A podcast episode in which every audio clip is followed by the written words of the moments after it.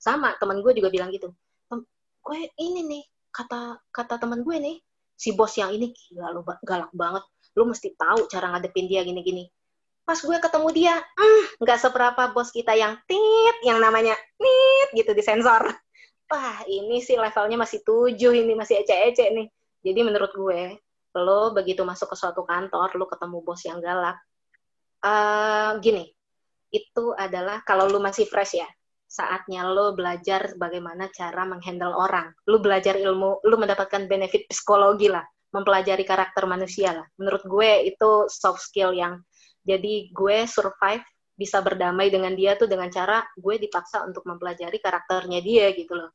Jadi ber berikutnya tuh gue udah tahu oh gue cara ngadepin bos cewek seperti ini nih begini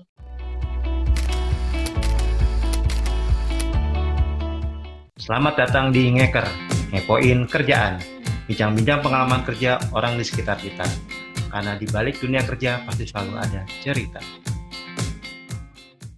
Ya, Assalamualaikum warahmatullahi wabarakatuh. Salam sejahtera untuk kita semua.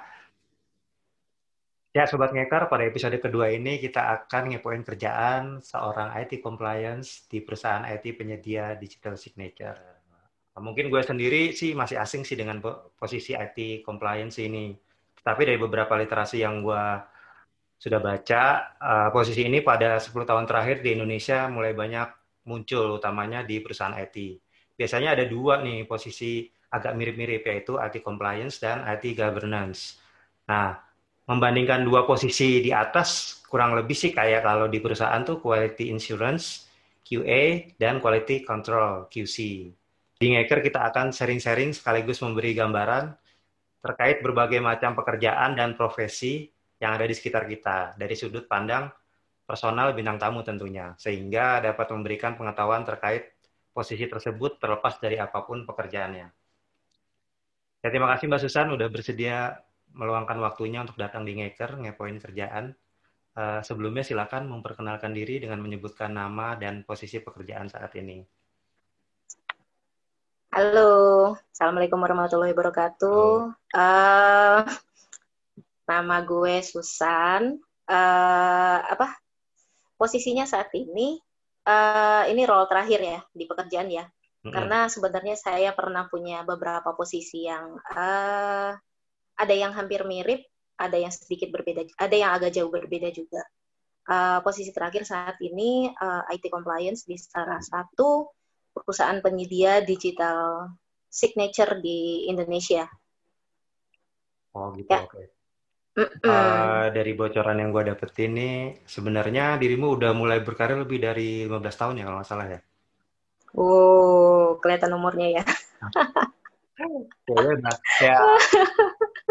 Uh, kalau nggak salah udah mulai berkarir sejak tahun 2005 hingga posisi yang sekarang. Nah, boleh diceritain Betul. Sih?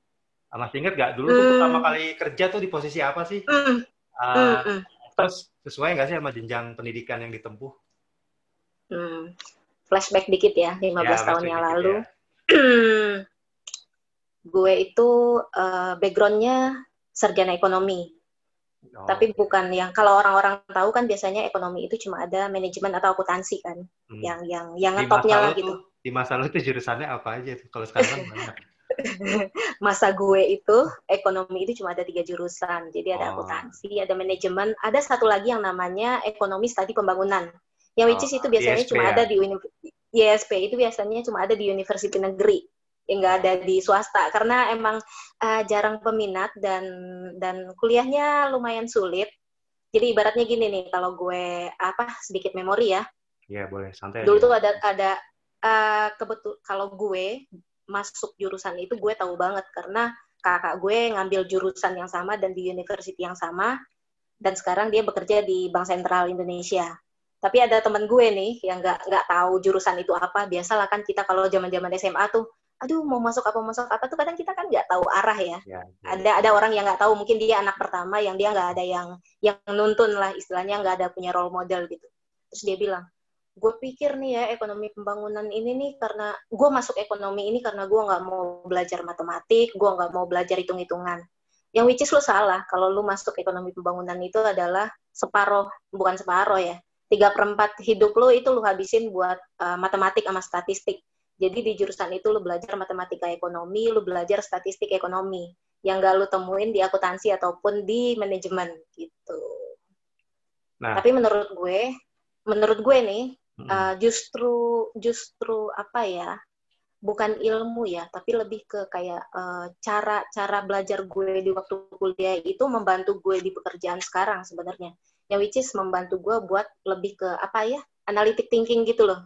Hmm. Jadi gue uh, secara basic analit, uh, analitiknya tuh jadi lebih apa ya, lebih bisa cepat beradaptasi dibandingin mungkin orang yang uh, backgroundnya nggak uh, yang analitik ataupun yang nggak logik gitu loh.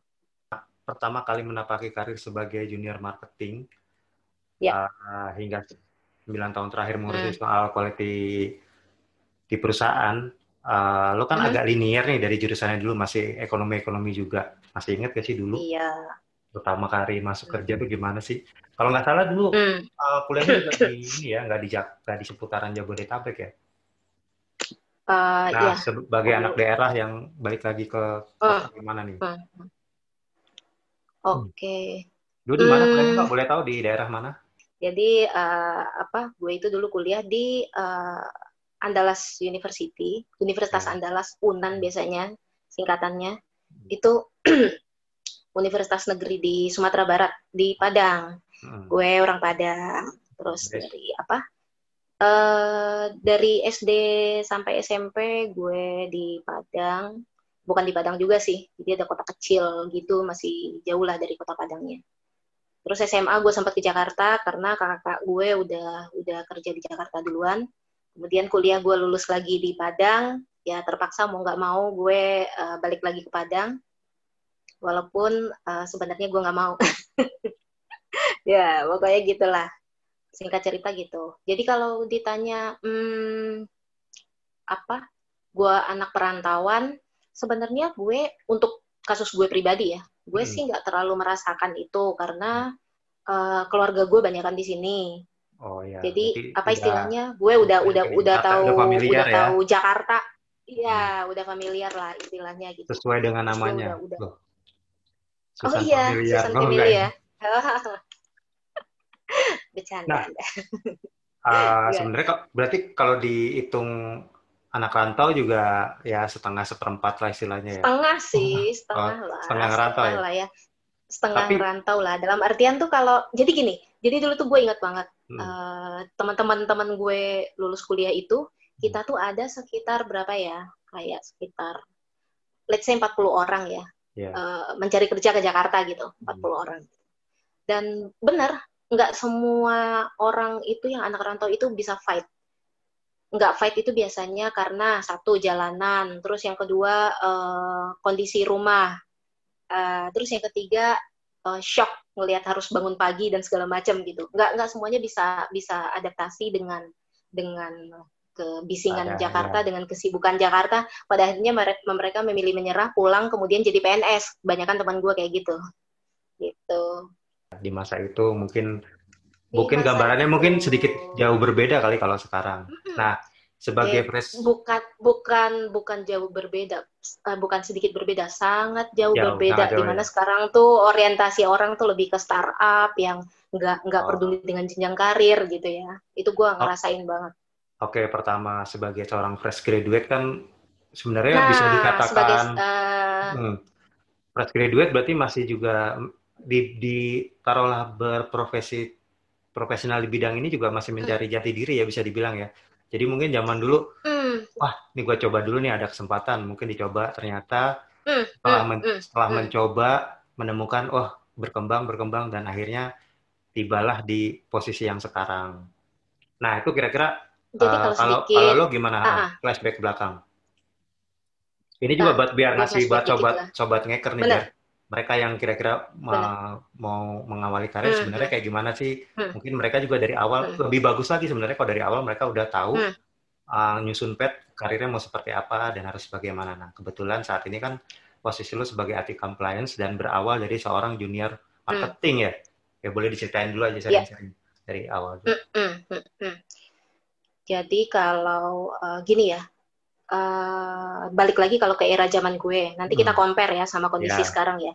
hmm. pada saat itu uh, yang ada di otak gue adalah uh, gimana caranya gue secepat mungkin kerja karena itu gue pengen ngerasain gaji awal, punya duit sendiri gitu loh awal tahun 2000-an lah ya uh, ya awal 2000-an lah jadi lebih tepatnya itu 2005 2005 okay.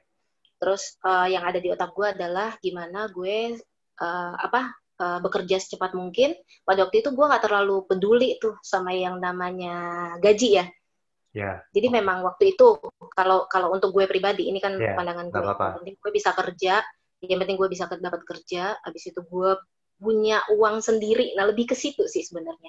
Gue pengen ngerasain gue punya duit sendiri, gue pengen beli apa-apa sendiri. Nah gitu loh. Spiritnya sih itu sebenarnya. Hmm. Nah kemudian gue ketemu dengan salah satu yang menurut gue ini justru basic gue ya cikal bakal gue gue masuk ke suatu perusahaan Jepang, jadi uh, multinational company ya. Hmm. Jadi uh, ini perusahaan Jepang yang kemudian uh, apa punya cabangnya atau punya pabrik di Indonesia. Hmm. Jadi waktu itu sama sekali gue nggak peduli, biarpun gue bekerja di kawasan industri gitu ya. Yang dulu tuh orang-orang tuh gue ingat banget ada teman gue yang bilang, wah lu buru pabrik dong gitu. Padahal sebenarnya gue itu kan orang office-nya ya, yeah. bukan dalam artian uh, apa yeah, benar-benar uh, di si, pabriknya langsung si ya, operasionalnya gitu loh, yeah. bukan di pabriknya langsung gitu. Di back office lah masih uh-uh. masih adem uh-uh. lah masih adem dalam tanda kutip. Da, ya dalam dalam dalam otak orang kan semua orang yang bekerja di pabrik itu kan adalah berdiri gitu ya, jadi buruh gitu semuanya gitu yeah. pada zaman itu. Tapi gue itu di boleh tahu di daerah mana mbak dulu? Uh, awal. Di daerah kawasan MM 2100 MM Sekarang tuh apa namanya ya? Uh, Cibitung, Cibitung. Oh, Cibitung. Oke. Okay. Tapi tapi menurut gue justru gue masuk ke sana itu adalah basic gue uh, bisa ke mana-mana sebenarnya. Hmm, Jadi okay. gini, menurut gue satu hal yang bisa gue pelajarin dari perusahaan Jepang adalah uh, kedisiplinannya sih. Jadi itu itu menurut gue justru apa ya? Pada saat itu mungkin kalau gue masuk langsung ke perusahaan yang yang tidak tidak tidak menerapkan uh, kedisiplinan mungkin gue gue tipikal orangnya bisa gampang banget ikut lingkungan ya. Jadi mungkin gue udah agak-agak ini tuh udah udah agak santuy juga lah gitu. Jadi kebetulan gue masuk ke, ke apa uh, perusahaan Jepang ini di mana mereka tuh memang kedisiplinannya tuh tinggi banget satu. Terus yang kedua proses kualitinya itu juga tinggi banget termasuk pertama kali gue mengenal yang namanya standar internasional itu juga hmm. ada di perusahaan Jepang ini di mana perusahaan Jepang itu kan terkenal dengan mereka tuh punya apa ya punya standar udah pasti tuh ada yang memang mereka ikut standar internasional ada yang memang mereka punya standar Japan sendiri gitu ya yeah.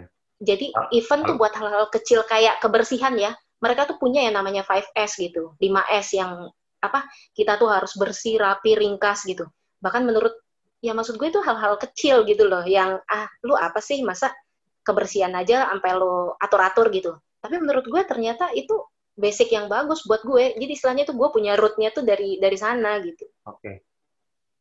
uh, berarti uh, lo eh, sebenarnya masuk ke perusahaan Jepang ini termasuk uh -uh. ya bisa dibilang keberuntungan ya di awal malah uh, dapat yeah. sedikit knowledge gitu dan lo punya saran dasaran yang uh. akhirnya lo mulai bersentuhan langsung ya dengan uh, iya. standar-standar yang berlaku bahkan dari standar standar-standar itu benar benar. gue gue justru gue justru tahu tuh standar ada ada yang namanya standar itu tuh dari dari perusahaan ini gitu dari perusahaan tempat gue bekerja ini. Gue tahu ada yang namanya apa uh, suatu suatu standar yang harus lu lu penuhin setiap hari gitu loh. Dan kalau lu nggak comply itu lu ada punishment terhadap itu. Jadi menurut gue oh iya gue bagusnya di sini. Terus apa ya tanpa sadar tuh kita jadi kayak dikasih uh, gue tuh dapat knowledge secara nggak langsung karena mereka menerapkan itu gue jadi kayak oh ya orang baru kerja itu harus dikasih training uh, lu biarpun yang kayak tadi gue bilang trainingnya mungkin training hal, -hal kecil kayak 5S tadi yang cuma training buat kebersihan gitu Istilahnya tapi itu, bisa dibilang training ya, internal lah sebenarnya. Uh -uh, uh -uh, training internal uh. gitu. Tapi itu tuh, uh -uh, tapi itu tuh wajib dan lu ini. Dan uh, luckily juga ya gue di sana tuh punya atasan yang emang apa ya dia tahu gue gue anak fresh grad dia bilang san uh, perusahaan ini uh, gue gue relate sih ke ke yang apa podcast teman lu sebelumnya.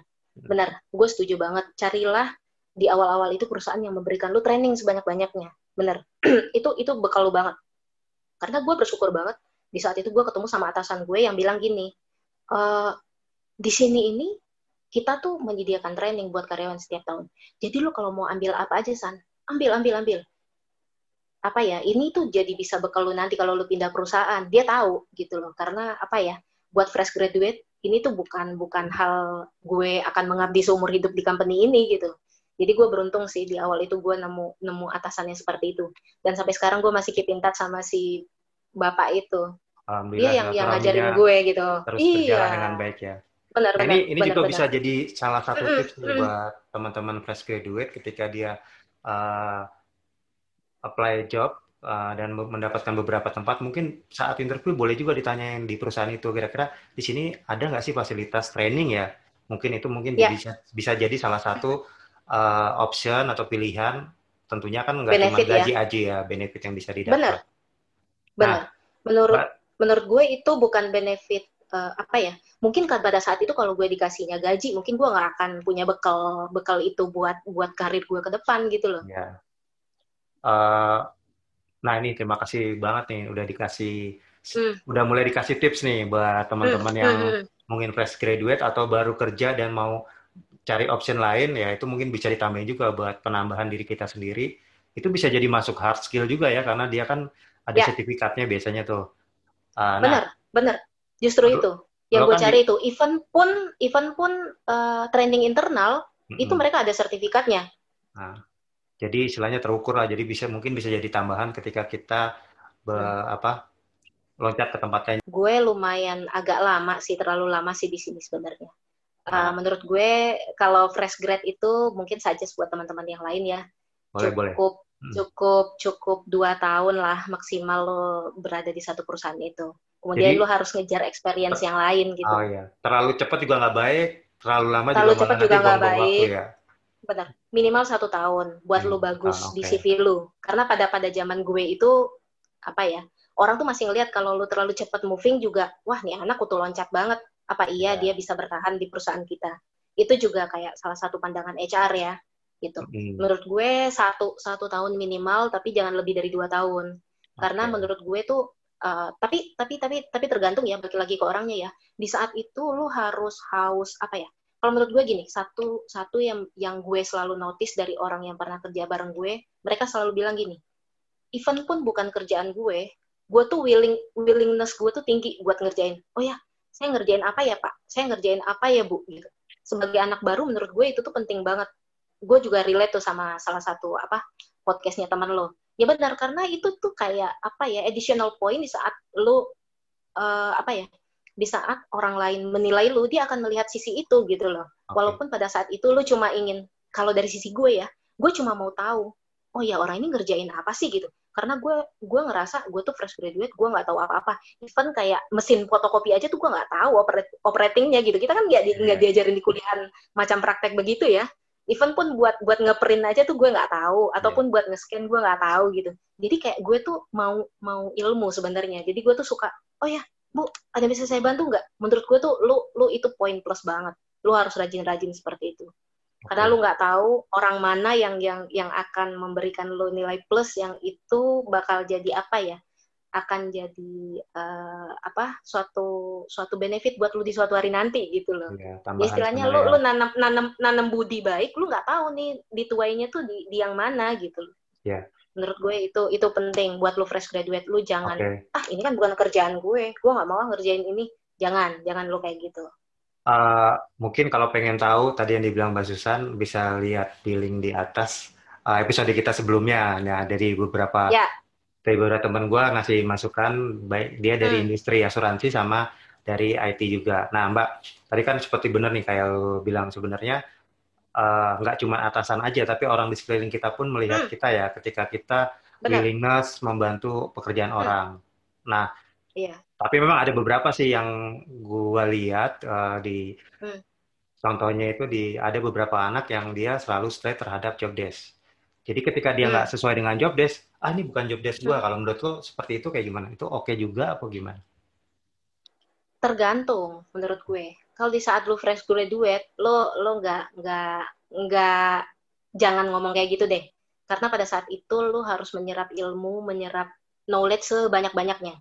Tapi once karir lu udah established kayak kita deh 10 tahun ke atas lu boleh bilang kayak gitu karena di saat itu lu sudah sudah punya basic kerjaan sendiri lu sudah tahu career path lu ke mana yang lu nggak mau dibelok-belokin lagi gitu loh jadi menurut gue kalau lu udah 10 tahun ke atas lu boleh bilang kayak gitu tapi okay. kalau lu masih fresh graduate menurut gue jangan dulu jadi mungkin tipsnya buat anak-anak, buat yang fresh graduate ini mungkin jadi ya anggap aja tambahan knowledge lah sama pengalaman baru. Hmm. Mungkin hal yang hmm. kita belum tahu, oh jadi tahu. Siapa tahu aja kayak teman gue sebelumnya tuh yang di episode sebelumnya, hmm. dia malah tadinya sebenarnya cuma minat aja sih, gue pengen belajar. Ternyata malah di next karirnya dia malah itu yang jadi bidang utamanya dia gitu.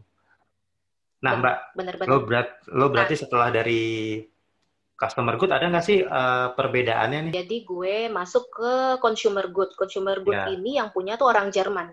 Yeah. Jadi yang punya nih orang Jerman, yang which is bos gue itu bule. Satu, yeah. gue kepake banget bahasa Inggrisnya. Oke. Okay. Di saat di saat itu sebenarnya waktu itu perbedaan gaji gue nggak terlalu signifikan. Cuma waktu itu memang gue udah mulai apa ya? Oh iya, gue udah udah udah pengen pindah dan gue mau mau ngejar apa? Sudah mau ke arah kota deh kerjanya gitu loh itu juga salah satu alasan gue pindah sih gue pengen pindah lokasi kerja kemudian okay. gue masuk consumer group gue ketemu bosnya orang Jerman mm-hmm. yang di mana tuh company-nya itu termasuk company kecil yang karyawannya yeah. itu cuma 50 orang ya jadi istilahnya tuh memang direct supervisor gue tuh semuanya tuh si bule yang gue tuh selalu bilang dalam hati gini oke okay, gue akan ambil kerjaan ini karena gue akan mengasah bahasa Inggris gue di sini Waktu itu gue kalau setiap kali pindah itu gue selalu memikirkan uh, apa sih benefitnya gitu loh. Mungkin gue dari segi uang gue nggak terlalu tinggi waktu itu. Kalau gue nggak salah tuh selisihnya itu cuma satu setengah juta deh gue gue naik yeah, naik selerinya gitu. Tapi di zaman itu udah lumayan lah segitu. Gitu loh. Jadi berarti uh, berpikir, yang jadi bahan pertimbangan itu ya selain cuan, hmm, selain bahasanya. Ada hal lain sih yang didapat di kitanya gitu. Kalau emang menurutnya itu jadi Bener. benefit di masa depan, ya ambil aja mungkin kesempatan itu ya. Ya, begitu tahu gue bos gue bule, terus gue hmm. langsung hmm. rasa oh ya ini saatnya gue ngasah skill English gue di sini.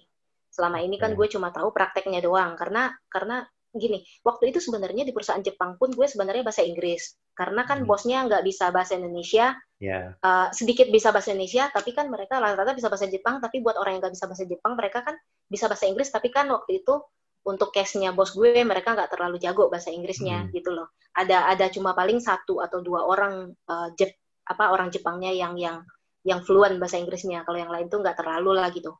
Biarpun kita komunikasinya tuh pasti bahasa Inggris juga.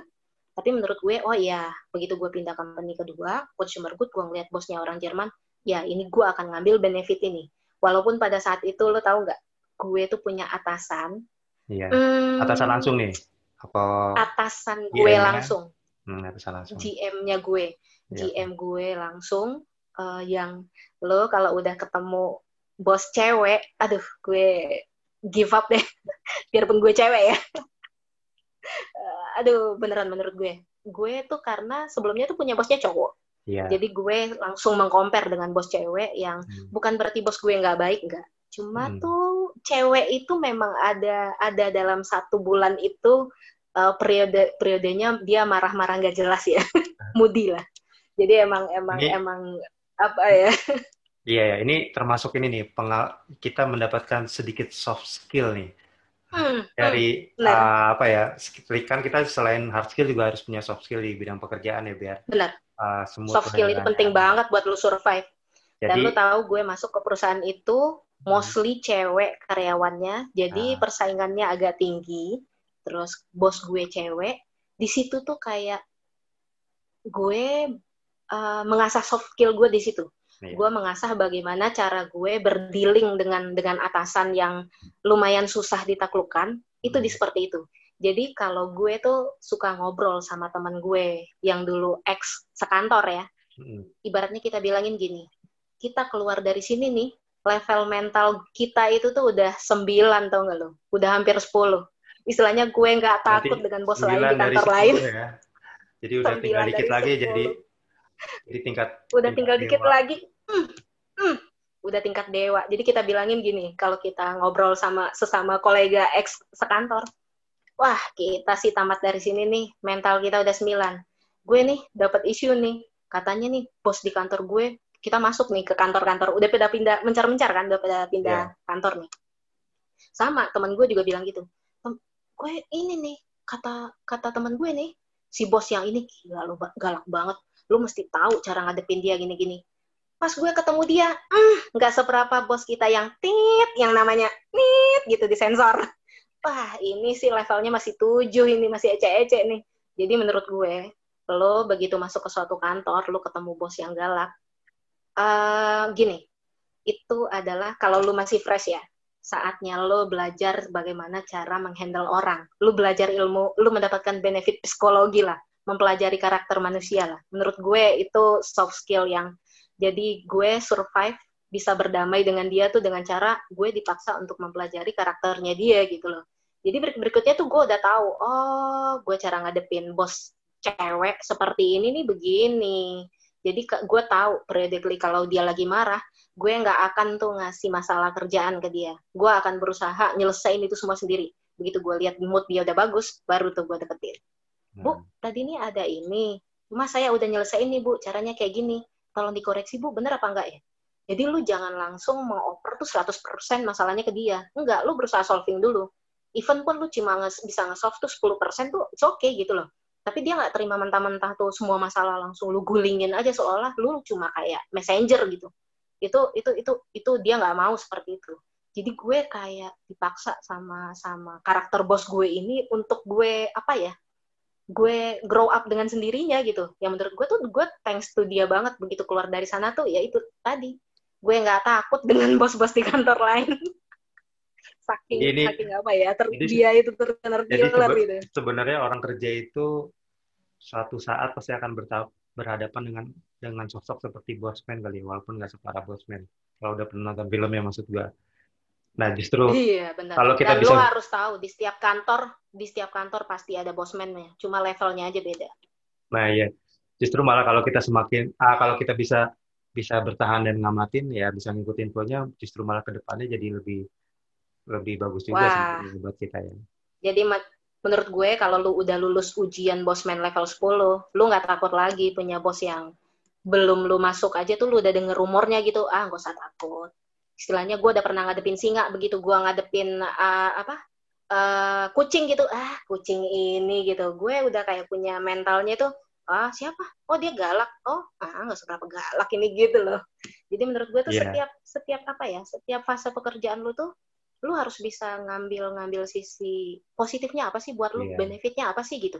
Jangan melulu yang ada di memori lu gue punya bos galak. Enggak jangan. Menurut gue ya, karena kan jadiin kita bekerja di dalam lingkungan tim ya mau nggak mau karena namanya perusahaan kan terdiri dari beberapa orang dan kelompok organisasi ya eh, dari sebuah kelompok organisasi jadi mau nggak mau ya kita pasti bakal ketemu plus minus lah dari mulai yang nggak enak sampai yang enak kan tapi benar, itu benar, benar. sebenarnya bukannya hal yang dipikir ah udahlah gue malas deh tapi malah sebenarnya itu sebuah tantangan ya hmm. kalau kita bisa hadapin hmm. ya pelan pelan baik baik hmm. mungkin itu malah bisa jadi benefit kita sendiri malah sebenarnya nah oke okay, mbak benar, dari Okay.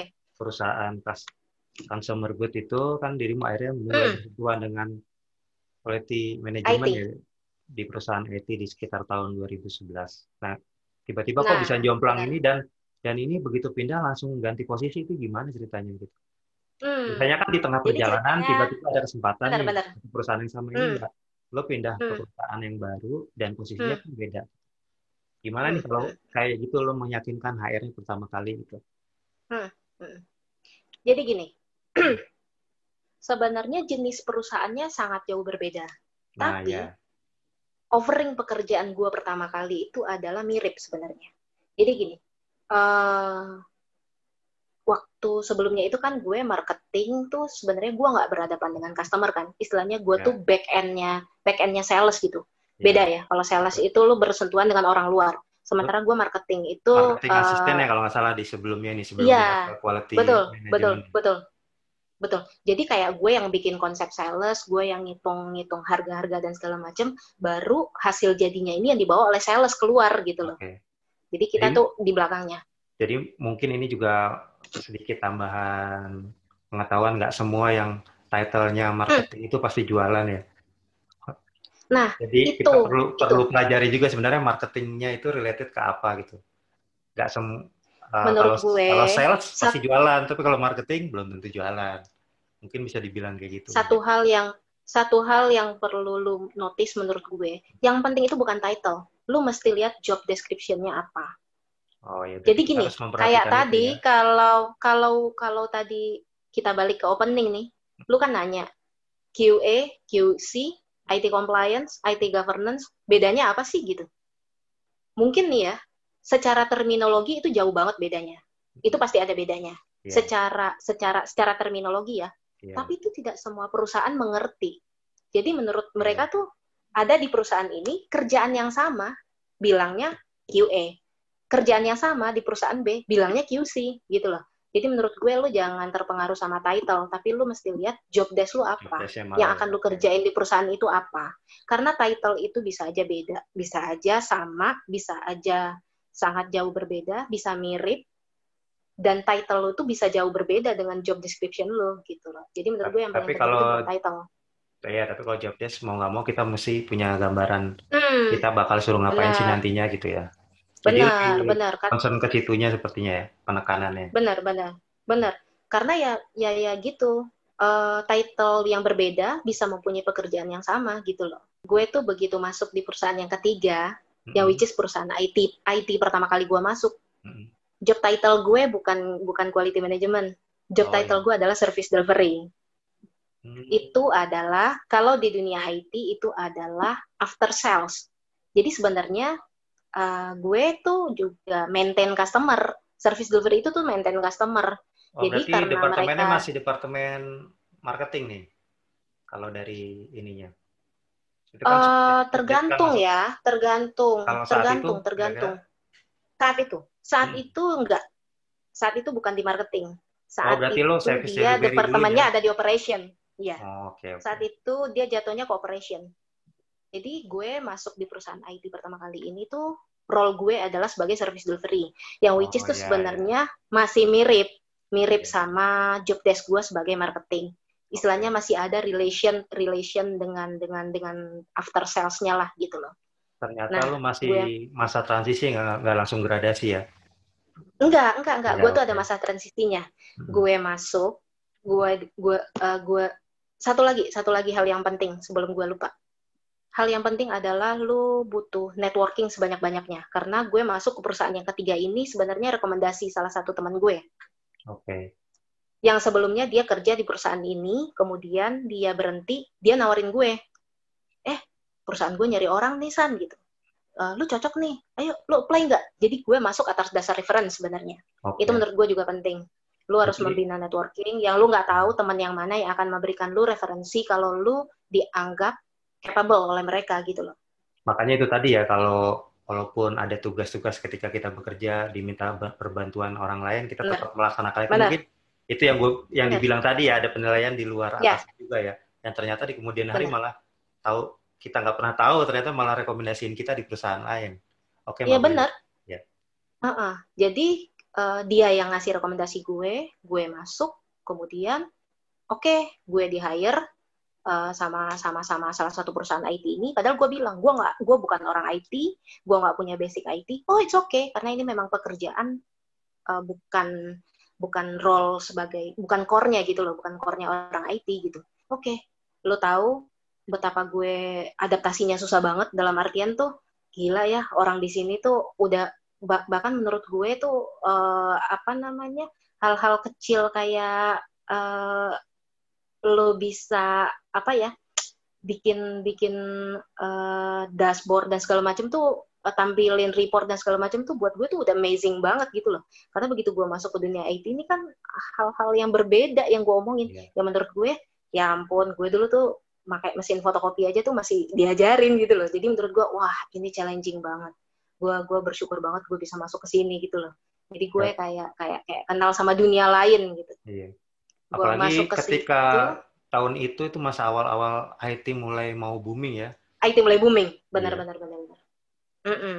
kemudian gue masuk sebagai service delivery Mm. dan baru gue tiga bulan tiga bulan loh gue baru tiga bulan gue sebagai service delivery kemudian si quality management ini salah satu departemen di IT, di perusahaan gue uh, buka lowongan vacant. Oh, jadi Dan pada waktu internal itu, ya, internal job. nah internal Oke. internal internal internal internal job lah gitu. Mm-mm. Karena pada waktu itu uh, dia nggak boleh hire orang dari luar. Oke. Jadi harus harus bisa memanfaatkan internal dulu deh gitu. Dan gue Iya. bukan bukan mengapply ke sana, tapi begitu si si uh, headnya quality management ini lihat CV CV uh, orang, Hmm. dia lihat dan lu tahu apa yang bikin dia nge-hire gue? Karena gue pernah bekerja di perusahaan Jepang yang gue dikenalkan dengan standar. Cuma itu modalnya dia. Oh iya, nih orang udah tahu standar. Dan waktu gue dipanggil sama salah satu direktur operationnya, dia dia dia dia dia dia, langsung gak ngasih option ke gue. Oh ya, kamu tuh nanti diperbantukan ya di quality management. Gitu. Terus gue bilang atas dasar apa? Saya nggak punya basic apa sama sekali. Oh enggak, katanya kamu dulu pernah kerja di perusahaan Jepang ya? Iya pak. Kamu udah tahu ISO? Iya udah tahu. Iya, berarti kamu udah punya basic gitu. Itu gue kayak masih mikir gitu. Apa iya gitu, tapi ini kan IT. Menurut gue tuh gue nggak ada ininya sama sekali. Akhirnya gue diketemuin tuh sama bosnya. Waktu itu eh, eh, singkat kata tuh gue kayak di interview lah sama dia, kayak dia meyakinkan diri lagi, bener nggak sih nih anak cocok gitu, karena secara CV menurut dia gue cocok. Akhirnya gue ngobrol sama dia, baru gue tahu dari dia, oh iya San, lu punya basic, lu udah tahu yang namanya standar. Jadi eh, mungkin cuma bedanya gini, sekarang yang akan gue ajarin ke lu adalah standarnya IT, cuma itu aja bedanya. Dulu lu kenal standarnya mutu Manufaktur. secara secara general, mutu Iya. manufaktur gitu. Sekarang tuh istilahnya tuh barangnya beda san gitu.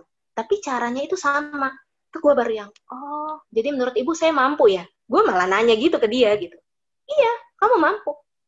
Terus gue langsung bilang, hmm, oke. Dan pada waktu itu karena keadaan gue terpaksa pernah menjalani double job itu selama enam bulan ya kalau nggak salah ya Hmm. sampai akhirnya karena waktu itu kebetulan ada teman gue yang cuti lahiran jadi gue tetap harus cover kerjaan itu begitu gue full pindah ke sana terus gue kayak yang mulai ngerasa oh iya ternyata tuh kadang-kadang hal-hal yang menurut lu jauh berbeda begitu lu pelajarin ternyata tuh basicnya tuh sama cuma istilahnya gini ha- eh, kalau gue bicara gini deh cara jualan itu kan sebenarnya sama ya Mm. hanya aja barang yang lu jual mungkin beda gitu loh Iya. tapi kalau lu pinter jualan, mau apa pun barangnya, lu akan sukses gitu. Menurut gue tuh sebenarnya Jadi, basic itu sama. analoginya gitu ya, istilahnya. Analoginya um, gitu. Oke. Nah, terus Mbak, Dan dan di, mm-mm. di quality ini, quality management ya kalau nggak salah Hmm. ya. eh, iya benar-benar. Itu sebenarnya tugasnya apa sih quality management IT? Kok IT ada quality managementnya? Kan dia kan nggak produksi sebuah barang ya kalau nggak salah nih, perusahaan IT-nya. Benar benar benar. Mm-mm. Jadi gini, makanya tadi gue bilang kalau apa namanya istilahnya dulu itu perusahaan IT itu kan mostly Hmm. hanya hanya hanya bekerja secara operasional. Tapi Ya. istilahnya gini, eh, dia nggak nggak nggak punya suatu standar. Jadi gini, kalau misalkan pekerjaan A, eh peker- Iya. suatu pekerjaan dilakuin oleh si A, kalau orang A-nya ini bagus nih, dan kemudian dia resign, tidak ada tidak ada aturan pekerjaan atau tidak ada cara guidance pekerjaan yang benar, begitu yang ngelakuin si B, itu hasilnya bisa nggak sama loh. Iya. Mungkin karena nggak ada serah Jadi- terima atau lain-lain kali ya. satu itu nggak ada serah terima dan lain-lain. Terus yang kedua di saat itu baru mulai nih perusahaan IT menyadari bahwa harus ada suatu governance, harus ada suatu aturan, harus ada suatu dokumentasi yang membuat lu tetap konsisten di saat lu ditinggalin oleh karyawan ataupun eh, lu akan eh, dikerjakan oleh resource yang berbeda, tapi hasil hasil akhirnya itu hasil akhirnya itu sama gitu loh. Berarti Jadi- lo jadi- juga jadi itu. termasuk eh, tugas lo salah satunya adalah menyusun SOP ya, standing operation, standard Benar, operation procedure ya. Benar. Iya, standar operation prosedur. Jadi Iya. istilahnya gini. Eh, Jadi zaman itu masih itu belum tuh, tuh- mereka tuh masih belum mulai menyusun itu apa apa memang udah ada cuman mau disempurnakan ketika lo pindah ke Perusahaan- departemen quality management itu. perusahaan IT pada saat itu tuh masih jarang banget. Pada saat Hmm. itu perusahaan IT itu masih jarang banget. Cuma udah mulai sadar. Makanya mereka ngerasa mereka butuh gitu loh. Mere- Mereka ngerasa ngerasa udah mulai butuh nih. Karena gini, eh governance itu kan adalah hal yang terakhir ya. Dulu tuh mungkin orang pedulinya, ah yang penting produk gue bagus, gue nggak butuh kok uh, apa yang namanya governance, yang namanya compliant. Komplain nggak komplain itu hasilnya bagus-bagus aja gitu. Yang penting bisa dijual. Dulu itu kan orang pentingnya result ya, ya benar. Iya. Tapi pada saat pada saat lu sekali result lu gagal, baru lu mulai berpikir, oh iya, gue penting ya ngejagain proses. Nah di situ tuh baru masuk okay. yang namanya quality management buat ngejagain proses gitu loh, buat buat ngasih tahu, oh ya di sini nih ada aturannya ini ini ini loh. Terus better lu punya dokumentasi karena apa pun bisa terjadi. Untuk mencegah lu loss di ujung, mendingan lu invest dulu deh gitu. Invest dalam artian tuh lu invest buat jagain prosesnya. Daripada lo nggak jagain di ujungnya lo lossnya malah lebih besar. Pada saat itu tuh mulai ada ada ada ada apa ya? Mulai ada influencer seperti itu di dunia IT baru mulai tuh mereka menyadari oh ya governance itu penting compliance itu penting gitu karena udah once perusahaan udah mature udah udah udah apa ya udah punya cukup dana lah buat yang lain-lain gitu mereka mulai tuh berpikir ke arah sana jadi itu salah satunya Berarti sebenarnya lu tuh masuk ini pas bener di awal-awalnya mulai perusahaan IT hmm. berkembang ya, mulai berkembang lah istilahnya mulai kayak sekarang kan ada Bener. istilahnya startup mungkin orang-orang anak zaman sekarang kenalnya. Tapi Bener. sebenarnya di perusahaan Bener. Dulu itu perusahaan IT juga udah mulai me membuat sebuah standar prosedur ya biar delivery-nya jadi Betul. bagus istilahnya. Betul. Uh, lebih bukan cuma lebih bagus tapi konsisten bagus.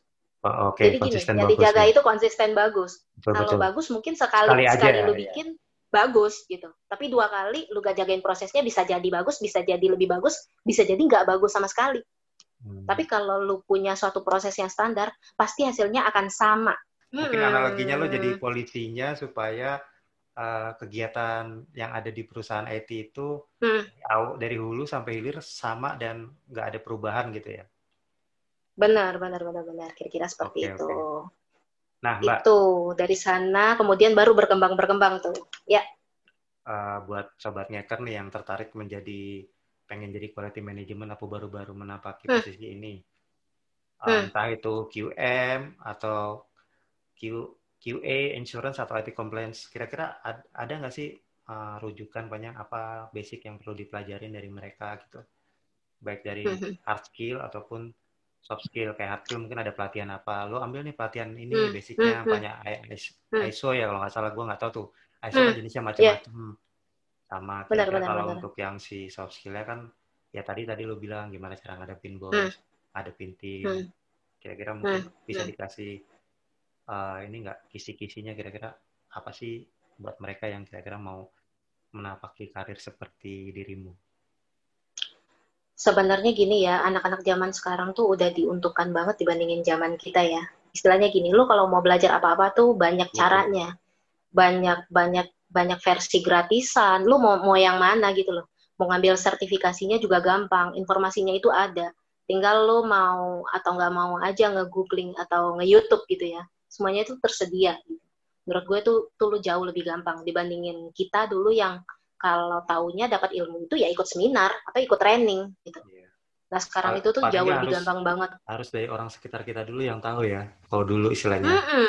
Benar, dari, benar. Dari mm -mm. dari dari orang lain yang pernah baru kita dan belum tentu setiap orang bisa ketemu orang yang yang kayak gitu gitu orang yang, tepat, dengan ya? yang kita mau. Benar. Benar, benar, benar, benar, benar, benar. Dan dan apa ya?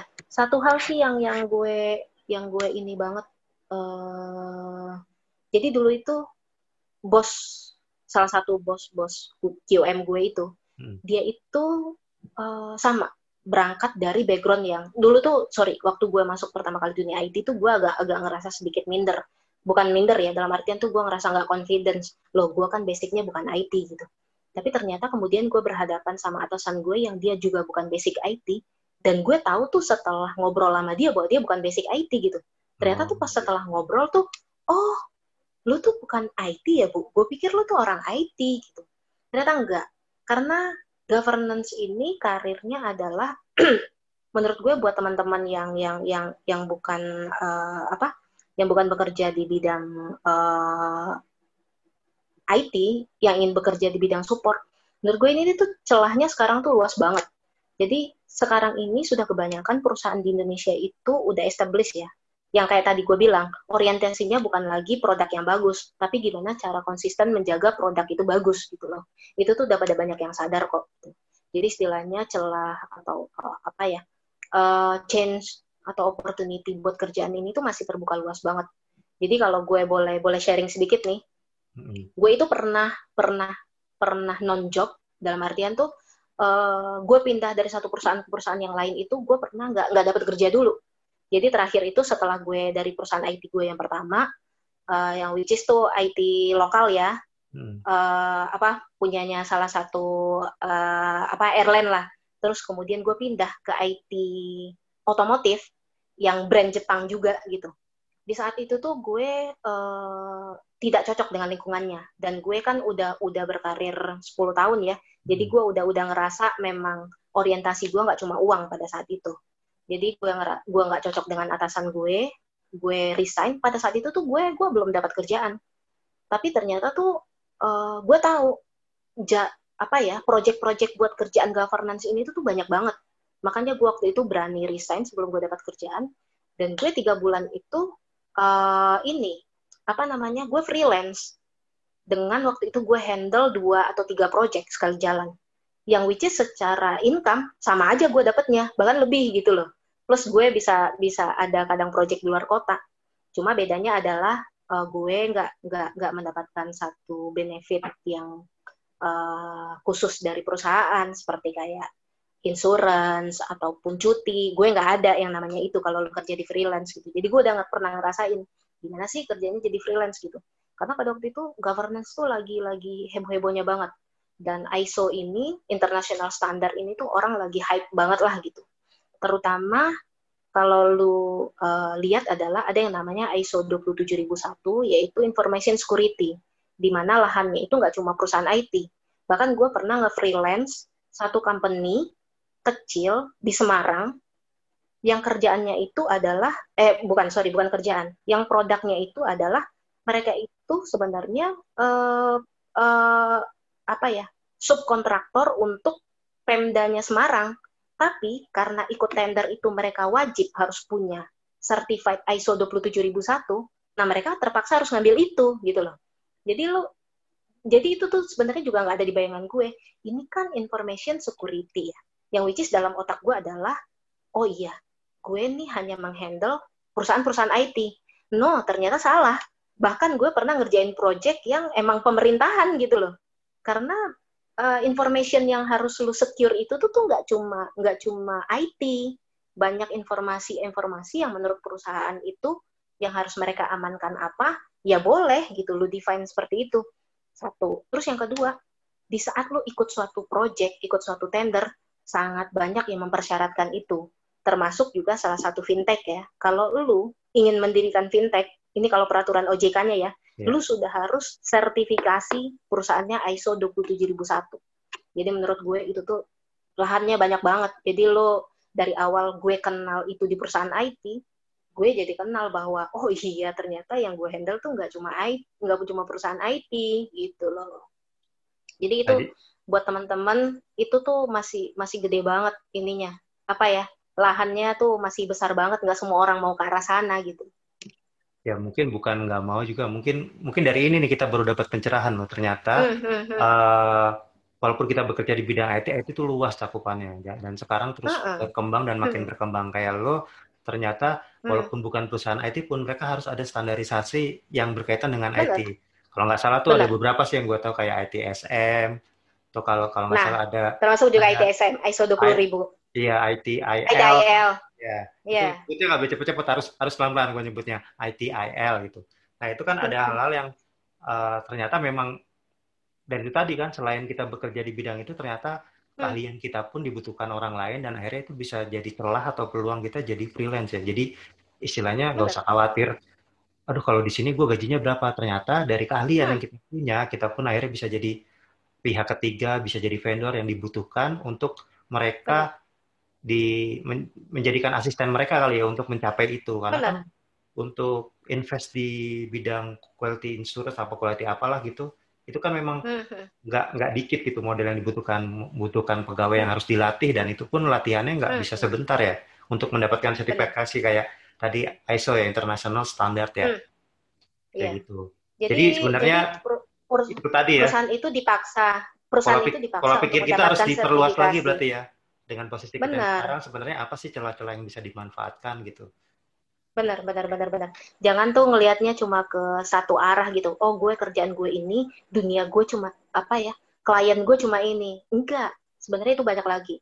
Jadi istilahnya gini, berawal dari jadi kalau dilihat uh, balik lagi kita kalau masalah ISO-ISOan ya, bukan orang ISO ya, Hmm. International Standard Organization, Ya, Gue bukan bahasa kenal. Jawa ya iso iso bukan bahasa Jawa ISO ISO ya. Ini tuh Oke, berawal dari ISO. dulu gue di perusahaan Jepang kenal yang namanya ISO 9001 secara manufacture, kemudian gue masuk Oh. ke dunia IT, ISO gue kenal ISO 9001 27001. boleh dikasih tahuin nggak dikit-dikit ISO ini tentang ini tentang apa gitu Hmm. mungkin buat gue juga gue juga belum terlalu tahu sih Oke, 9001 itu adalah basic basicnya semua ISO. Itu tuh quality management system. Jadi itu tuh basic banget. Dulu itu semua orang tuh eh, yang kalau ISO 9001 itu ya kalau bicara lebih jauh ya bahkan sekolah-sekolah aja udah punya tuh standar itu gitu.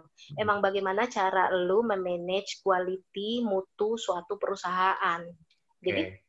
eh, tidak peduli jenis perusahaan lu apa gitu. Itu itu itu Jadi adalah itu layer semua perusahaan- satunya nih. oh ya oke berarti itu istilahnya pondasi Hmm. awalnya international standard itu ya Iya, benar benar Oke. benar. Itu Terus yang pertama kali gue kenal. Kemudian gue masuk dunia IT, gue kenal lagi yang namanya ISO 27001 yang khusus untuk information security. Dan itu juga gue baru tahu. Gue pikir tadinya ini cuma applicable buat perusahaan-perusahaan IT. Dan ternyata sekarang itu berkembang. Tidak hanya perusahaan IT. Bahkan tuh yang tadi gue bilang, Pemda aja tuh butuh butuh ISO 27001 gitu loh. oh iya Pemda daerah loh yang which is government government kan itu bukan bukan perusahaan IT gitu ternyata mereka tuh butuh dan kemudian eh, di IT lagi gue kenal yang namanya ISO 20000 yang tadi kalau lo bilang IT service management gue Hmm. kenal itu juga gitu. Jadi jadi dalam artian tuh sekarang tuh itu itu justru jadi kayak kayak bekal gue yang istilahnya nih sebenarnya tuh gue eh, bisa bisa bisa punya pilihan tidak bekerja di perusahaan IT lagi gitu. Jadi dengan bekal itu tuh udah bisa loncat Jadi sebenarnya kalau sekarang ini kan pemerintah menggalakkan sertifikasi untuk pribadi yang biar bekerja ya. Ternyata Hmm. perusahaan pun butuh Hmm. itu ya untuk eh, istilahnya bertarung di bidangnya mereka ya. Buat benar istilahnya mereka ya mau nggak mau ngikutin. Mungkin kayak di Indonesia tuh ada standar SNI mungkin ya kalau kalau bisa Iya, benar. SNI, dibilang kayak gitu juga nggak sih? standar nasional. Iya, Oh. benar, benar, benar. Cuman Jadi kalau kalau ini di bisa Indonesia dipakai, standar nasional. cuman kalau ini bisa di dunia mana pun bisa bisa diakuin lah istilahnya kalau ISO ya. Kalau udah Iya, punya itu. Itu maksudnya. diakuin. Benar, benar. Itu diakuin uh, seluruh dunia. Dan balik juga mereka, apa ya, kalau lu lebih dalam lagi, itu mereka juga punya kayak kiblat-kiblatnya gitu loh. Ada Oh. yang ISO ini kiblatnya Eropa, ada yang ISO ini kiblatnya Jepang, ada yang ISO ini, ya itu balik-balik lagi tuh hanya masalah segmentasi aja. Oke. Tapi tapi mau lu pakai kiblat mana pun sebenarnya itu kepake. Di mana aja tuh itu kepake. dibutuhkan soalnya. Tuh. Ya karena sekarang kan Mm-mm. Kita saingannya nggak cuma lokal ya, tapi nggak bukan regional juga, tapi malah global ya. Kalau Hmm. kalau kita Hmm. bersaingnya pengen global ya mau nggak mau, ISO international standard itu pasti dipakai mau nggak mau ya. benar benar benar Nah oke nih Mbak, itu tadi sebenarnya benar-benar ilmu baru juga buat gua. Ya mungkin buat sobat-sobat ngeker juga mungkin ada beberapa yang belum tahu. Hmm. Nah. Hmm, hmm. Dari sekian lama nih lo berkarir nih, uh, boleh diceritain nggak sih pengalaman-pengalaman tadi kan udah tuh sedikit disinggung pengalaman menghadapi bos dalam tanda kutip seperti bosman. Terus Iya. ada lagi nggak sih kalau uh, boleh tahu pengalaman yang yang nggak terlupakan lah, boleh di masing-masing perusahaan ataupun dari selama ini berkarir kayaknya ini yang paling selain si cerita tentang si bos bos girl ya bukan bosman ya itu tadi kayak gimana sih? mungkin bisa diceritain sih mungkin ya Eh, berhadapan dengan teman-teman peer kita apa kayak gimana mungkin ada mungkin ada project apa besar terus akhirnya lu dapat Hmm. dapat pengalaman lebih apa seperti apa Eh, satu satu yang penting buat gue adalah eh, lu setiap dunia kerja mana pun lu harus bisa mempelajari karakter orang karena setiap orang itu nggak sama. Jadi buat gue itu bekal bekal diri gue banget. Jadi Oke. gini, eh, once gue masuk eh, satu pekerjaan ataupun gue gue istilahnya berinteraksi dengan rekan kerja ya lu mesti mesti mempelajari karakternya dia. Dia ini tipikal kayak apa sih? Gitu loh. Mungkin ada orang yang gue nemuin berbagai macam uh, tipikal-tipikal orang. Dan di situ gue gue pertama kali akan adjust diri gue menurut versinya dia. Itu akan mungkin ada hal-hal yang gue nggak suka tapi karena gue lihat dia tipikal orang yang uh, apa seperti itu gue akan adjust duluan. Sampai nanti pada suatu turning point dia bisa terima gue baru gue akan akan mulai jadi bukan jadi diri sendiri ya. Baru gue akan mulai kayak yang oh iya uh, sekarang tuh saatnya kita harus sama-sama gitu loh. Menurut gue itu penting banget. Biarpun gue masuk istilahnya sekarang tuh gue tuh level gue udah senior umur gue udah cukup banget tapi once gue masuk ke company contohnya ya kayak company sekarang ya. Teman kerja gue, even CEO gue, itu umurnya jauh di bawah gue. Lebih muda semuanya daripada gue. Tapi gue selalu respect sama mereka. Gue selalu respect sama anak-anak muda. Gue selalu berusaha buat yang, oh iya, lu apa? Lu bisanya apa? Gue selalu menghargai menghargai opini mereka. Menurut gue itu itu kunci sukses lu banget. Lu bisa diterima di kalangan mana pun. Yang menurut gue tuh bahkan untuk umur gue yang sekarang yang tadi gue bilang CEO gue aja umurnya tuh beda enam tahun dari gue gitu tapi gue gue gue bisa santai-santai aja tuh sama dia gitu. Gue gue bisa men, men, apa ya di acknowledge sama mereka tapi nggak ada gap. Itu menurut gue hal yang gue dapat dari dulu hasil gue ber, ber berdealing dengan si bosman itu gitu. Si jadi jadi ya, jadi kalau hmm. Ya uh, boss girl boss girl. Jadi jadi sebenarnya gue pernah punya boss girl itu dua orang. Jadi kayaknya gue sekarang tuh Lo mengalami udah dua, udah dua mulai kali mulai ya? dua kali fase ya malah ya uh, untuk seumuran gue yang gue udah bisa memilih kerjaan gue sekarang begitu tahu atasan saya siapa perempuan gue agak mikir hmm, okay. ada ada yang lain gak ya? Karena karena karena gue udah udah udah udah dalam bisa dalam posisi memilih gitu ya kecuali kalau nggak ada pilihan ya. Jadi jadi itu menurut gue. Kalau ditanya apa ya uh, kalau project project terbesar hmm. sebenarnya justru ini datang dari pekerjaan freelance gue bukan dari kalau pekerjaan pekerjaan yang lain sih standar ya. Setiap perusahaan punya benefit masing-masing. Ada yang emang gajinya gede tapi nggak ada benefit kesehatan nggak ada benefit yang lain-lain. Ataupun termasuk uh, yang tadi kita bilang di salah satu IP ada yang benefitnya adalah mendapatkan uh, tiket terbang ke mana-mana gitu. Itu juga itu juga bonus plus kan yang yeah. yang yang nggak ada di mana-mana gitu nah kalau gue tuh justru ngerasain pernah tuh gue kayak takjub begitu gue pernah uh, dapat freelance terakhir pekerjaan gue. Gue pernah ditawarin tuh untuk satu main days jadi dalam artian tuh satu kali gue datang ke customer itu yang menurut gue tuh jumlahnya itu wow. Gue tuh kayak ngerasa pak lu bener ngergain gue segini gitu. Soalnya waktu itu gue kayak yang masa sih gue se, se itu? gitu. Itu itu gue kayak yang oh iya uh, kurang ya mbak? Dia malah malah bilang gitu ke gue. Gue kayak yang oh malah wow. disangka karena pengalaman Sehari. tahun ya dia bilang wah jangan-jangan ini kode-kode ini ya. Jadi jadi sebenarnya lo biasanya malah wow ternyata angkanya segitu gitu. Iya gue malah takjub dia malah yang oh kurang ya gitu. Uh, jadi itu kalau nggak salah di mana mbak? Di pemerintahan kah atau? jadi, jadi jadi jadi jadi gini ada satu proyek pemerintahan yang dalam artian gini. Jadi sebenarnya dia tugasnya emang sulit sangat sulit karena waktu itu dia ngasih handover project ke gue oh, dalam artian tuh gue bukan orang sebuah, pertama ngerjain oh, project sebuah itu project yang udah berjalan tiba-tiba ya lo diikutkan di tengah jalan lah mungkin gitu ya uh, project project yang berjalan, kemudian orangnya dianggap nggak kompeten, customernya nggak terima, gue iya. harus nyelesain setengah pekerjaan, bukan setengah ya, kayak 70% kerjaannya. Yang deadline-nya udah mau mepet banget. Jadi dia tahu resiko apa ya, uh, resiko yang gue hadapin itu tinggi dan kerjaan gue berat. Makanya dia ngawarin dengan amount yang lumayan. Ya istilahnya itu gue ingat yeah. banget, iya. gue kerja cuma satu satu kali seminggu, gue wajib datang ke customer, cuma dalam dalam satu bulan tuh gue kayak yang gajian gue sama kayak satu bulan gue kerja full di kantor lain gitu sementara ini gue cuma datang tuh cuma sekali seminggu gitu tapi ya gitu di balik itu tuh gue kayak yang wah ternyata uh, gue bisa sevaluable ini ya gitu itu juga gue baru baru baru tahu gitu itu itu sih yang menurut gue apa ya ternyata Makanya itu buah penting dari membangun, endurance lu hmm. membangun relationship itu itu ya mungkin kita ya, benar. ya karena yang menilai orang lain ya karena orang lain sering berhadapan dengan kita ternyata mereka menganggap bahwa kemampuan kita dan pengalaman kita ber, ya bisa dibilang nggak sedikit sih puluhan tahun tuh akhirnya wah berbuah manis juga gitu. Jadi memang benar, ternyata proses itu tidak mengkhianati hasil. Ya. Benar, seperti benar, benar. Seperti gue, bahasan gue sebelumnya di di episode sebelumnya buat teman-teman. Hmm. Benar, benar, benar, benar. Yang udah ngasih. Jadi, jadi gini, ada hal-hal yang memang tidak bisa lu pelajari di textbook dan begitu lu udah sampai di experience uh, uh, jumlah jumlah tahun pekerjaan tertentu hmm. di situ lu akan merasa uh, bukan merasa ya di situ lu akan bervalue tinggi dibandingin uh, orang yang baru lulusan uh, even itu universitas bergengsi ya terus mereka punya skill dan segala macem tapi ternyata lu tuh punya punya sesuatu yang memang ya itu proses yang udah lu laluin itu yang mereka nggak baca di textbook gitu. Oke. Okay. Itu, itu itu itu itu itu satu penting. Terus yang kedua menurut gue uh, begitu dengan eh, uh, 10 tahun pekerjaan gue di dunia IT ini, gue selama ini menjaga networking gue, ternyata tuh itu juga yang menyelamatkan hidup gue gitu. Jadi sekarang itu gue gue gue gue udah jarang tuh yang yang apply apply sendiri tuh gue jarang banget. Biasanya tuh teman-teman gue yang san ini ada ada lowongan nih di sini nih lo mau nggak? gitu. Lebih lebih sering kayak gitu.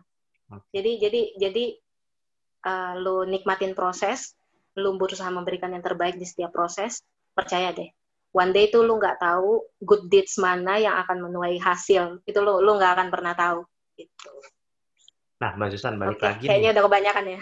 Balik nggak balik lagi sebelumnya ada nggak hmm. sih uh, training apa yang kira-kira sertifikasi apa awal aja nih buat mereka hmm. yang mau berkecimpung yeah. di dunia ini yang ini tuh lo hmm. kayaknya ini dulu deh yang paling penting gitu. Jadi minimal dengan itu insya Allah nanti bisa nambah-nambah sih di berikutnya gitu.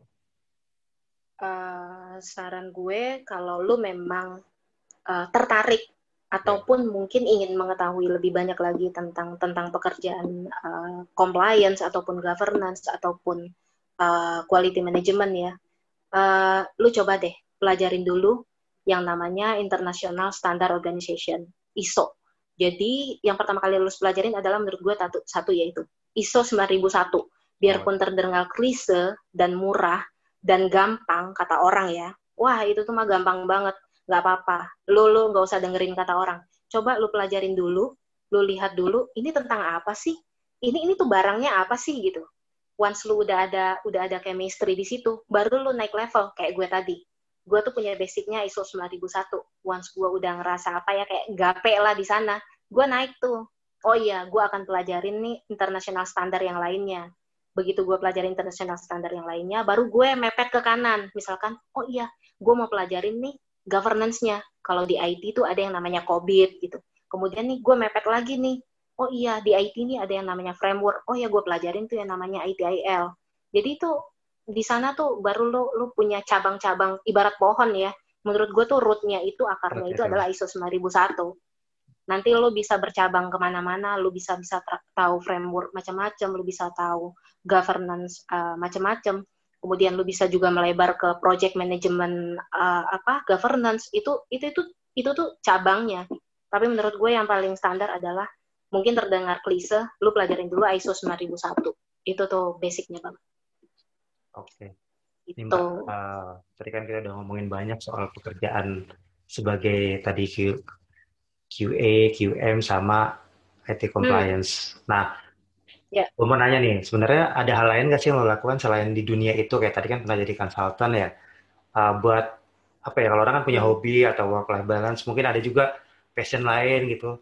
Ada nggak sih yang lo lakuin? Hmm. hmm. Ya, sekarang ini kan lagi uh... rame nih, jualan-jualan online apa gimana buat ya istilahnya buat ini aja sih sebenarnya itu bukan yang utama cuman ternyata buat menyeimbangkan lah gitu kira-kira. Ya uh, gue mau cerita dikit ya. Jadi uh, gue tuh punya punya punya side job. Bukan punya side job ya. side punya punya punya. Jadi punya hobi yang menjadikan ini duit bukan hobi sih sebenarnya jadi jadi gini gue itu punya teman sekantor dulu, punya ex kolega ya, yang yeah. di mana sekarang itu tinggalnya satu area perumahannya tuh deket-deket sama gue. Jadi kita itu dulu tuh sering banget kumpul-kumpul. Istilahnya tuh biasa lah kan kalau cewek-cewek, eh kita ngopi yuk di Starbucks, oke. Okay. Atau eh kita nyobain kafe ini yuk. atau kita nyobain ada ada ada restoran baru nih di sini nih kayak sekarang tuh ada sate marangi nih baru buka di Cibubur. Uh, sebut merek ya nama tempat tinggal gue. Terus oh ya oke. Okay. terus kita satu kali dua kali kita istilahnya hangout terus kita mulai mikir kita ngapain ya ngobrol-ngobrol kayak gini aja kayak cuma nostalgia. Oh ya lu ingat nggak dulu sih ini ini nih ya plus gibah lah ya kalau kalau cewek-cewek ya. Ya lu ingat nggak sih? Itu tuh udah punya ini ini ini ini. Terus kita mulai berpikir kita ini kayaknya daripada ngobrol-ngobrol kayak gini terus mendingan kita bikin suatu usaha yang di mana kalau kita ngobrol tuh ada ada setidaknya tuh ada value editnya gitu loh hmm. itu tuh itu tuh dari situ tuh awalnya jadi kita berpikir ini harus ada nilai plusnya. Kita jangan cuma uh, apa nostalgia boleh, reunian boleh, tapi kita nggak mau nih masa ngopi-ngopi gini lumayan nih, gitu kan kayak Starbucks aja tuh Ternyata, minimal lu lima puluh iya. ribu kan. Nah, berarti akhirnya ini ya berpikir dari mulai ngopi-ngopi, jadi ya udah sekalian aja mulai bikin dari korporasi ngopi -ngopi. ya. Kemudian kita hanya mau bikin usaha yang memang kita tahu kita punya punya strongnya di sana lah gitu. Hmm. Dalam artian nih Ya sedikit ini berarti ya. belanja. ya sedikit kesenangan yang ada di situ gitu ya. Ya, dimulai ya. dari apa yang menurut kita gue, suka berarti ya. Menurut gue itu perlu. Lu harus mempunyai suatu suatu kesukaan dulu. Apa sih yang lu suka gitu? Karena itu akan lebih menggampangkan. Dan dan apa ya, kalaupun lu nanti punya halangan, punya rintangan, nggak ada sih, nggak nggak nggak ada usaha yang nggak ada nggak ada kerigil kerigilnya yeah. atau ada topannya tuh nggak ada ya usaha-usaha yang mulus tuh nggak ada tapi menurut gue di saat lu ngelakuin itu tuh karena lu hobi lu lu nggak akan terlalu ngerasain sakitnya gitu loh jadi berawal dari oh iya kita nih suka belanja belanja terus kita suka ngeliat jilbab gimana kalau kita bikin jilbab aja gitu awalnya dari situ oh. kemudian mulailah tuh oh iya jadi gue punya tiga orang uh, dua orang teman gue kita bagi bagi tugas ya udah gue tahu ada satu teman gue ini jago banget online dia itu pebelanja online. Pokoknya gue kalau nanya sama dia, har gue mau beli baju ini dong, dia akan tahu yang paling murah itu di uh, apa di e-commerce yang ini. Dan kalau dia bilang itu paling murah, gue harus sudah percaya karena dia pasti akan mengkompar semua harga di e-commerce itu. Berarti lo udah punya ini ya? Iya. Bagian procurement yang gua jago appraisal. Dan lu dan benar menurut gue di saat lu bikin usaha lu harus tahu strongnya strongnya rekan kerja lu itu di mana itu lo jadiin job desknya dia itu yang kita bagi gue tahu satu teman gue ini jago banget masalah masalah per onlinean gue eh, dia kita tugaskan untuk research. Sekarang lo cari range harga jilbab berapa terus uh, istilahnya market research lah. Dia yang dikasih tugas buat market research. Terus yang sekarang diminati orang apa uh, tapi kita punya budgetnya segini. Kita target marketnya apa sih yang yang masih basah yang masih banyak orang belum belum touch gitu. Oke okay, satu orang tugasnya ini. Kemudian dia ngeliat ke gue. Gue ini kebetulan dengan darah uh, Sumatera Barat dan orang Padang ya yang orang tahu dagang semuanya san lu tuh kalau jualan apa aja tuh laku. Ya udah lu sekarang tugasnya marketing. Lo yang promosiin jualan lo ke mana-mana. Walaupun gue selalu bilang bukan gue nggak bisa dagang. Tapi temen gue selalu bilang enggak dagangan apa pun yang dijual aku soalnya ini ya soalnya orang Padang. Pandai berdagang pandai berdagang katanya gitu. Akhirnya tuh gue tuh spesialisasi adalah begitu produknya udah jadi gue tuh yang tukang naro karena gue tuh agak-agak apa ya agak-agak agak level endurance uh, customernya itu agak tinggi. Gue betah melayani customer yang kadang nanyanya 10 kali baru ba, baru beli di saat chat ke 10 gitu. Itu tuh gue gue gue betah seperti itu. Makanya teman gue ngasih ngasih tas ke gue itu. Jadi itu juga salah satu tips ya guys. Kalau lo mau bikin usaha bareng sama teman-teman lo, carilah kasih dia pekerjaan yang kalau menurut gue semuanya harus punya kerjaan nggak ada yang cuma oh iya gue cuma mau nanam duit aja gue nggak suka yang kayak gitu itu kalau untuk gue ya kita semuanya uh, investasinya dengan jumlah yang sama. Kemudian ada satu lagi teman gue, keahliannya apa? Nah itu kita berikan tas yang sama. Nah berikutnya tahu nggak goal kita di saat kita mau bikin usaha itu cuma satu. Kita mau kalau kita ngumpul-ngumpul, kalau kita ngopi-ngopi, kita nggak bayar pakai duit sendiri. Kita bayar pakai profit kita. Cuma itu hmm. sebenarnya goalnya. Tapi sekarang itu Dan, sistem penjualannya mulai apa? Via online kah? Apa apalagi di tengah kayak gini kan lagi rame-ramenya nih. Hmm, hmm, hmm. awalnya itu kita online, Hmm. berikutnya itu kita udah dalam tahap mau memasuki offline sebenarnya kita mau ikut pameran-pameran, kita mau ikut bazar-bazar, tapi kemudian kan COVID ya, Mm-mm. akhirnya stop lagi, kita kencenginnya online lagi. Jadi saat sekarang kita cuma emang melayani online aja. Online-nya di online Gitu. shop atau mungkin pakai sosial media? Eh, pakai sosial media juga, eh, apply ke salah satu e-commerce juga, dan termasuk juga promosi dagangan sendiri. Walaupun yang paling efektif adalah tetap sih promosi dagangan sendiri sih. Jadi istilahnya sebenarnya itu kebanyakan memang apa ya? Menurut gue tuh eh, eh, teman-teman gue ternyata banyak ya.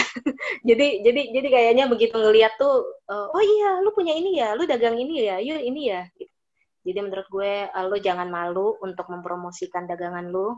Toh toh itu brand lu sendiri gitu loh. Toh lu dapat duitnya halal gitu. Gue sih nggak nggak pernah malu ya. Di saat mungkin ada teman gue yang nyelak, lo eh, masih gajinya masih kurang ya, masih kurang duit ya gitu. Nggak masalah, nggak usah malu. Yang penting cuannya banyak ya kan. Amin amin. Boleh dibocorin nggak apa amin, tuh amin. ininya? Uh, mungkin sosial medianya apa-apa, nama tokonya mungkin. Oh iya guys, bisa check out ya ke Instagramnya kita at aisana underscore set. Oke, nanti di sini At- bakal gua tulisin deh. Apa sih? Di bawah ini linknya. Oke, siap. Di bawah ini akan dikasih linknya apa, Mbak? Di di Instagram apa? At? At aisana. Oh, siap. Aisana. Aisana itu adalah singkatan nama kita. A Y S A N A underscore set. Set itu adalah tiga dalam bahasa Korea. Kenapa pilih bahasa Korea? Karena kita adalah K-popers. Ah, Nah, itu tuh buat Jadi- para hijaber yang juga jadi K-popers kayaknya nih cocok nih. Mudah-mudahan cocok bisa langsung jadi nanti. di- jadi jadi jadi benar. Menurut gue lo di saat bikin suatu usaha eh, mulailah dengan sesuatu yang lo sudut pandangnya itu dari sesuatu yang lo suka. Jadi lo lo lo akan ingat, lo akan enjoy gitu. Ya kayak tadi gue bilang, begitu kita nyari namanya aja nih, even buat cari nama, kita tetap pakai pakai kesukaan kita gitu. Awalnya tuh bikin tiga, ah karena kita tiga orang kan, ah nggak lucu kalau cuma tiga doang gitu. Ya udah kita pakai bahasa Korea aja kan kita suka Korea. Nah sebenarnya itu apa ya? Ada ada ada ininya, ada ada. Jadi jadi namanya itu tuh pun berarti buat lo. Nah, Mbak, ini kita memasuki akhir acara nih. Tapi last but not least, boleh dikasih ini nggak nih, Mbak? Eh, masukan nih buat teman-teman yang mungkin mau mulai memulai karir atau masih dalam masa studi akhirnya, kira-kira saat kita pertama kali menampaki kerja dan kita menyusun kira-kira karir PT seperti apa itu mungkin ada masukan buat mereka. Buat buat generasi zaman now berarti ya. Iya, benar. Beda banget sih ya. Mm-mm. Beda banget sih ya sama zaman kita ya. Kalau menurut gue sekarang itu anak-anak sekarang itu udah banyak informasi. Jadi istilahnya mereka udah tahu, udah bisa mencari tahu duluan sebelum mereka terjun. Itu adalah bedanya kita sama mereka. Ya. Satu hal menurut gue yang penting adalah di saat lo udah dalam tahap masa akhir, lo udah mulai tuh mencari kira-kira tuh eh, arah arah arah arah pekerjaan lo tuh ke mana sih gitu.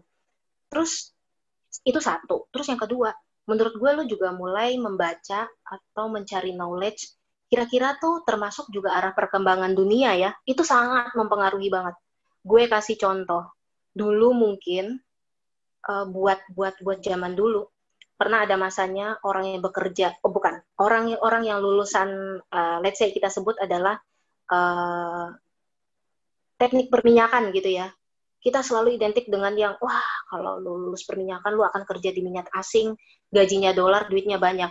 Tapi ternyata ingat gak beberapa tahun yang lalu di saat harga minyak turun banyak PHK dan sama sekali apa ya itu udah tidak menjadi tidak menjadi uh, suatu profesi yang yang yang digilai orang lagi. Itu lu, lu sebenarnya uh, buat anak muda sekarang tuh lu udah bisa cari sense-nya dulu gitu loh jadi menurut gue mulailah membaca uh, arah perekonomian dunia nggak cuma Indonesia ya. Sekarang tuh ke mana sih? Trennya itu ke mana? Gitu. Lu udah mulai tahu. Jadi istilahnya lu udah punya lu bisa selangkah lebih maju dibandingin teman-teman lo. Karena di saat lu tahu oh iya tren tren dunia tiga tahun ke depan itu banyak banget source-nya. Source-nya informasinya itu banyak banget. Banyak banget sekarang. Yang yang udah ngelakuin survei oh iya kira-kira tiga tahun ke depan tren ekonomi dunia tuh ke arah mana menurut gue akan lebih baik lo mulai menyicil, mulai mempunyai bekal ke arah sana. Jadi once itu terjadi, itu bukan semata-mata hanya karena lu hoki. Oh iya kebetulan nih, gue bekerja di dunia ini dan ini booming.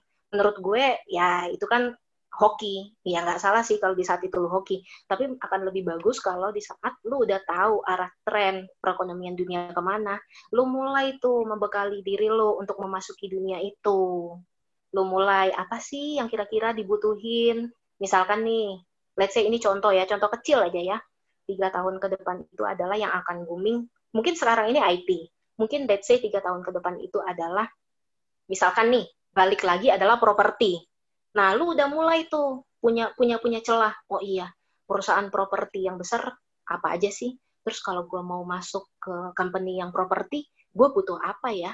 Selain terutama selain selain selain selain apa ya? Selain hard skill lo ya, gue butuh soft skill apa ya? Itu menurut gue penting banget. Jadi lo udah bisa selangkah lebih maju dibandingin teman-teman lo. Itu.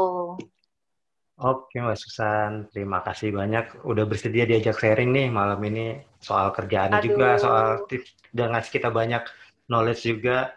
Semoga obrolan ini dapat bermanfaat buat kita semua, terutama buat sobat ngeker, ngepoin kerjaan. Ya mungkin itu aja episode kita kali ini. Terima kasih banyak Mbak atas waktunya dan kesempatannya. Assalamualaikum warahmatullahi wabarakatuh. Semoga kita selalu sehat warahmatullahi wabarakatuh. Ya, sama-sama.